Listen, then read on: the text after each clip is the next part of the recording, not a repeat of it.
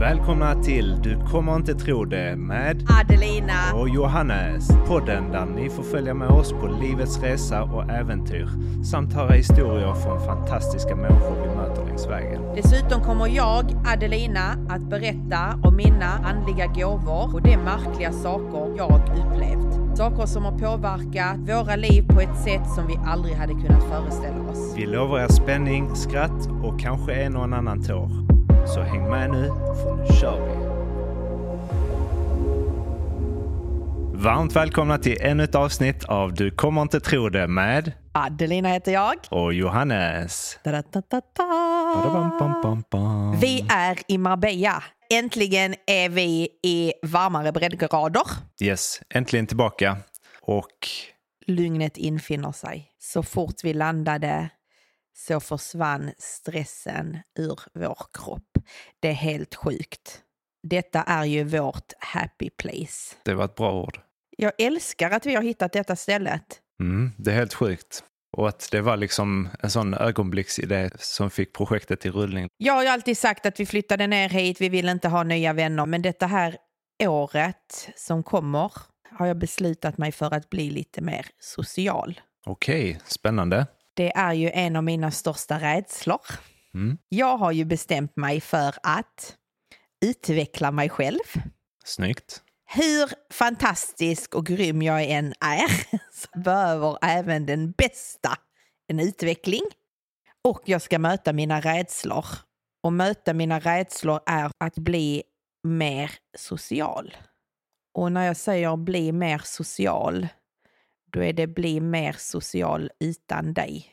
Förstår du vad jag menar? Mm, jag fattar. För du är ju, som person är du ju ganska social. Du är lätt att knyta kontakter och så här. Men vi gör ju ganska mycket tillsammans. Så jag tror det du menar är att du ska kunna hitta på mer saker på egen hand. Ja, jag har en rädsla över att om inte jag är med dig och om jag får mitt epilepsianfall, att folk i omgivningen inte förstår vad det är och då kanske jag dör. Jag fick ju en gång ett anfall utan dig med en vän och jag har haft jätteångest efter det. Alltså det här är ju en bomb som hon faktiskt droppade nu i podden. Du har inte berättat det här för mig tidigare. Det var dags att släppa denna bomben. Intressant. Hur känns det att kunna sätta fingret på det för att det var just det som var grejen? Nej, jag vet inte. Jag vet inte. Jag får nog eh, tänka på det lite. Men i vilket fall som helst, jag har då bestämt mig för att möta mina rädslor och sen behöver jag utveckla mig själv lite och komma vidare i mina mål och mina drömmar. Och för er som har lyssnat på podden, ni vet, det är en person som kom in i vårt liv detta året som ligger mig varmt om hjärtat. Både han och hans familj. Och det är ju Dragomir Mirsic. Han har skrivit en bok som heter 21 dagar där man ska möta sina rädslor och utveckla sig själv. Denna boken har jag köpt och jag sitter och läser den. Och jag ska följa detta till punkt och pricka. Och jag har även tagit deras onlineutbildning.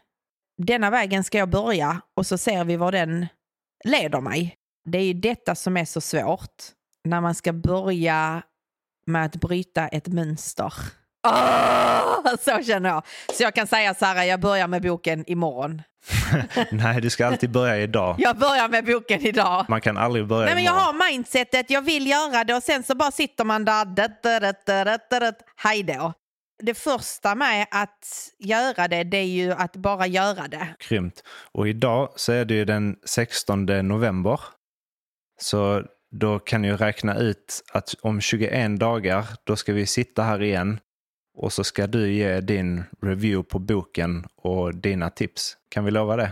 Absolut. Fan vad grymt. Ja, det kör vi. Ja, jag tycker det är sjukt modigt av dig. För det första att du droppade här med epilepsianfallen. Jag hade ju inte greppat att det var det som var din osäkerhet. Men har du inte märkt, jag kör ju knappt bil. Vi har två bilar, jag vägrar sätta mig i bilen. Mm. Men ibland så har du sagt att det handlar mer om din osäkerhet för om du hittar och det om det händer någonting. Så så lyssna, här. det finns en väg till kärleken och det är bara att köra runt den och hitta den tills den kommer. Alltså vad ska jag säga? Kärleken har du ju här. Exakt, jag hittar alltid dig. Det är som en GPS-punkt. Som jag är i Gibraltar, vilket jag och Michelle en gång var nära att åka till, så hittar vi ju ändå tillbaka. Nej, men eh, skämt åsido, sjukt modigt att du valde att ta upp det. Också sjukt modigt att du droppar att du ska köra den här kursen nu. Och då blir det ju lite, lite press på att faktiskt göra det. För det, det är en sak jag tycker är sjukt svårt. Att man kan ju ha så här bra idéer och man kan vara supermotiverad till någonting och man har liksom tänkt ut hur man ska göra det. Men sen är det ofta svårt, i alla fall för mig, att hålla i det över tid. Ja, men jag håller med. Speciellt om man inte har någon som säger till en att ja, men kom ihåg att nu ska du göra det här eller som liksom eh, håller en ansvarig för att ha gjort det. Men har du någon rädsla då? Ja, det är klart jag har rädslor. Drop it. Drop it like it's hot. Jag är rädd för att misslyckas. Oh my god, skojar du? Alltså jag är aldrig rädd för att misslyckas för att det är det som gör att jag kämpar och just nu har vi inte misslyckats på ett tag och då kämpar inte jag.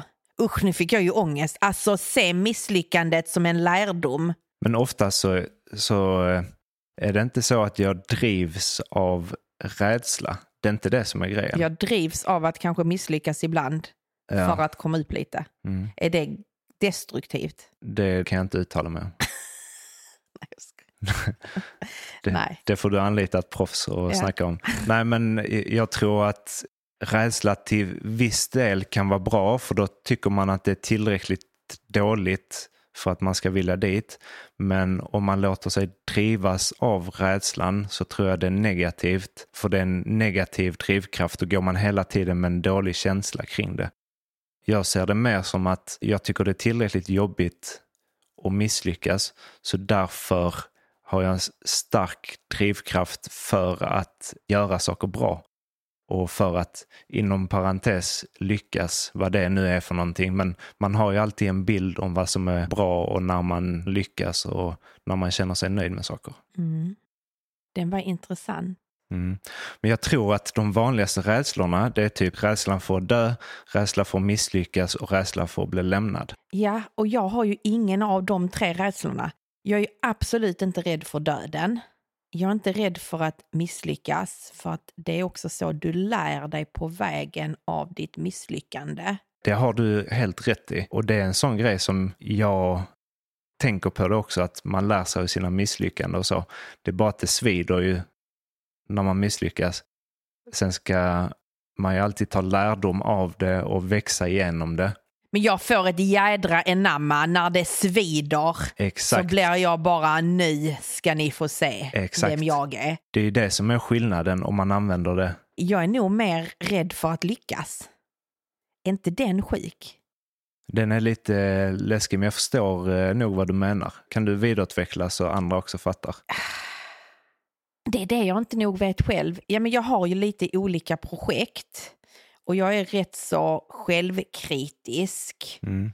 Och jag är rädd för att ge 120 procent för att tänk om jag lyckas med detta. Jag är nog rädd för själva känslan, hur det känns, för att det, jag drivs ju av när det inte går bra. När någon har en kris eller någonting, då är jag ju den som tar kommandot. Då är du i ditt esse. Då är jag i mitt esse. Mm. Så när det går bra, då behöver man inte någon som planerar en livskris. Och då vet inte jag vem jag är. Nej. Jag kan känna så här att när jag tänker på när man har liksom lyckats med allt och liksom man har hur mycket pengar som helst och man har eh, inga krav och måsten och allt är liksom bara guld och gröna skogar överallt.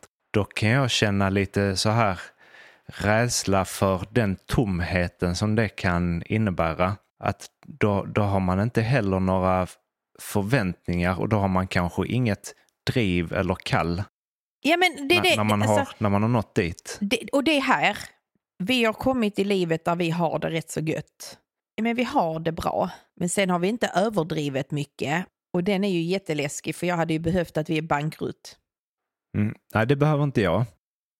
Men jag Eh. behöver det. För att komma tillbaka så behöver jag att vi har zero pengar på kontot. Och det är ju lätt ordnat. Men alltså, jag behöver en motgång. Du behöver typ en utmaning. Jag behöver en fet utmaning och det är Mm. inte att bestiga La Concha.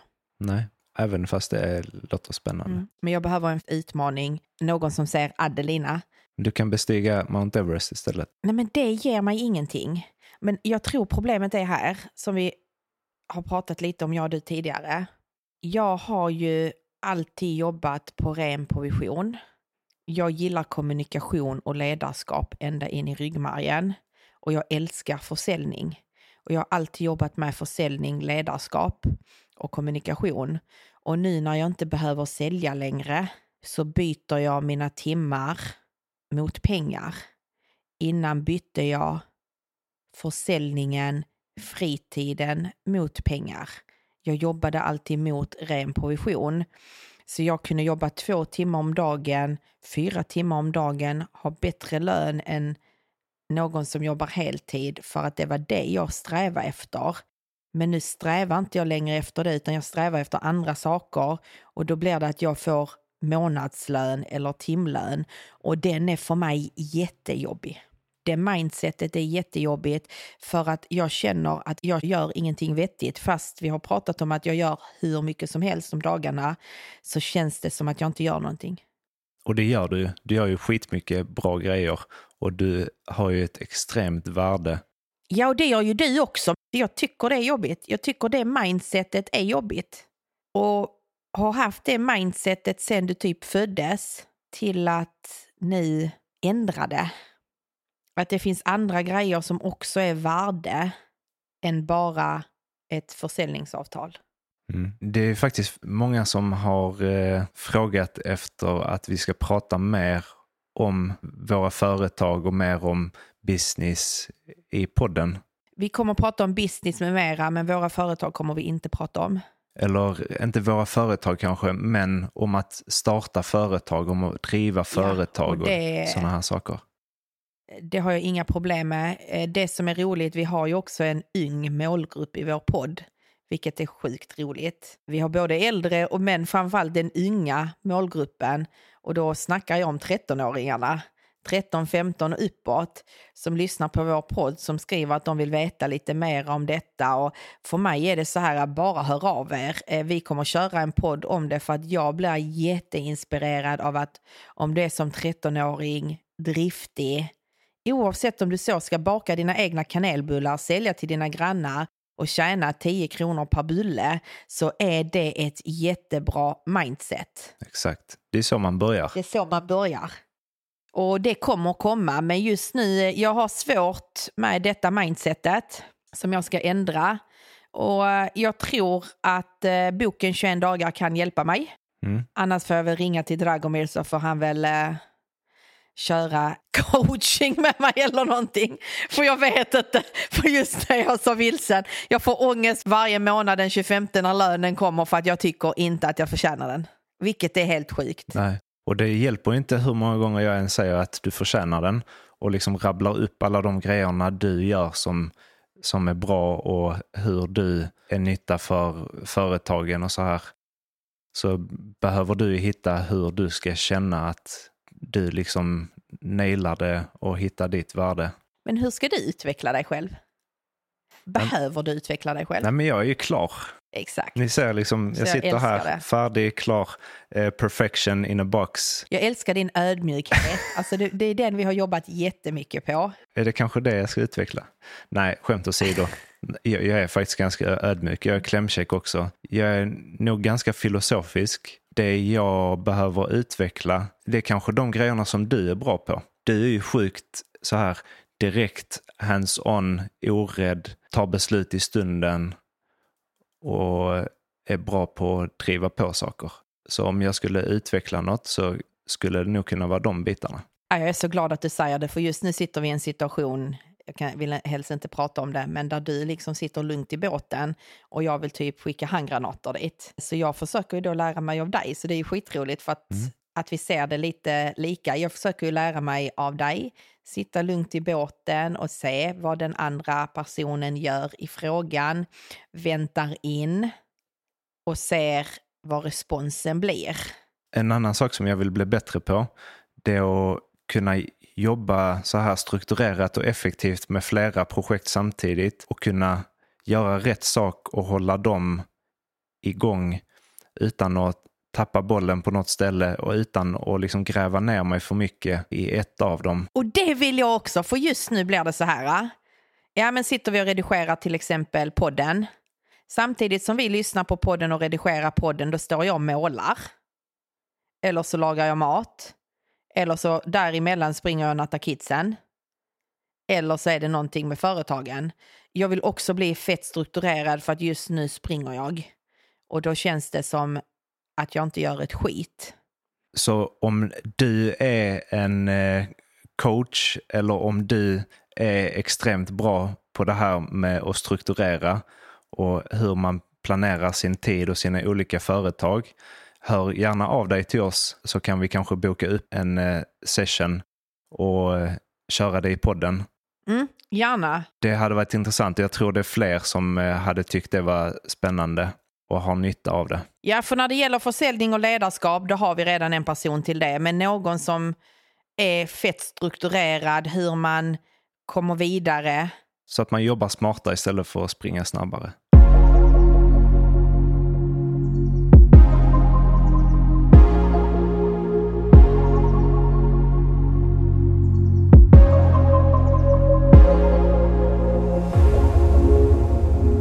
Men en sak som eh, vi också har fått många frågor om, det är ju det här med det spirituella. Och det var ett tag sedan vi lyfte något så här bra exempel. Men häromveckan veckan så hände det ju en ganska häftig grej. Kan inte du berätta om den idag? Jo, men det är ju lite galet och samtidigt lite läskigt och samtidigt så roligt. Det är en person som jag träffade för eh, några år sedan och när jag såg denna personen för första gången så gick vi faktiskt ifrån festen. För jag fick en sån obehaglig känsla. Alltså, jag kan inte sätta fingret på vad det var, men det var, det var, uh, det var en sån känsla. Och du vet ju att jag sa till dig, jag bara så kom nu packar vi grejerna och så drog vi. Och efter det så har jag haft personen i mitt huvud hela tiden. Av någon anledning skrivit lite då och då, för vi känner inte varandra på det sättet. Vi har gemensamma vänner och nu för en vecka sedan så börjar vi skriva intensivt till varandra. Men hur, hur började Hörde du av dig till henne eller var det hon som eh, hörde av sig till dig? Nej, men vi börjar ju med att skriva till varandra vanligt.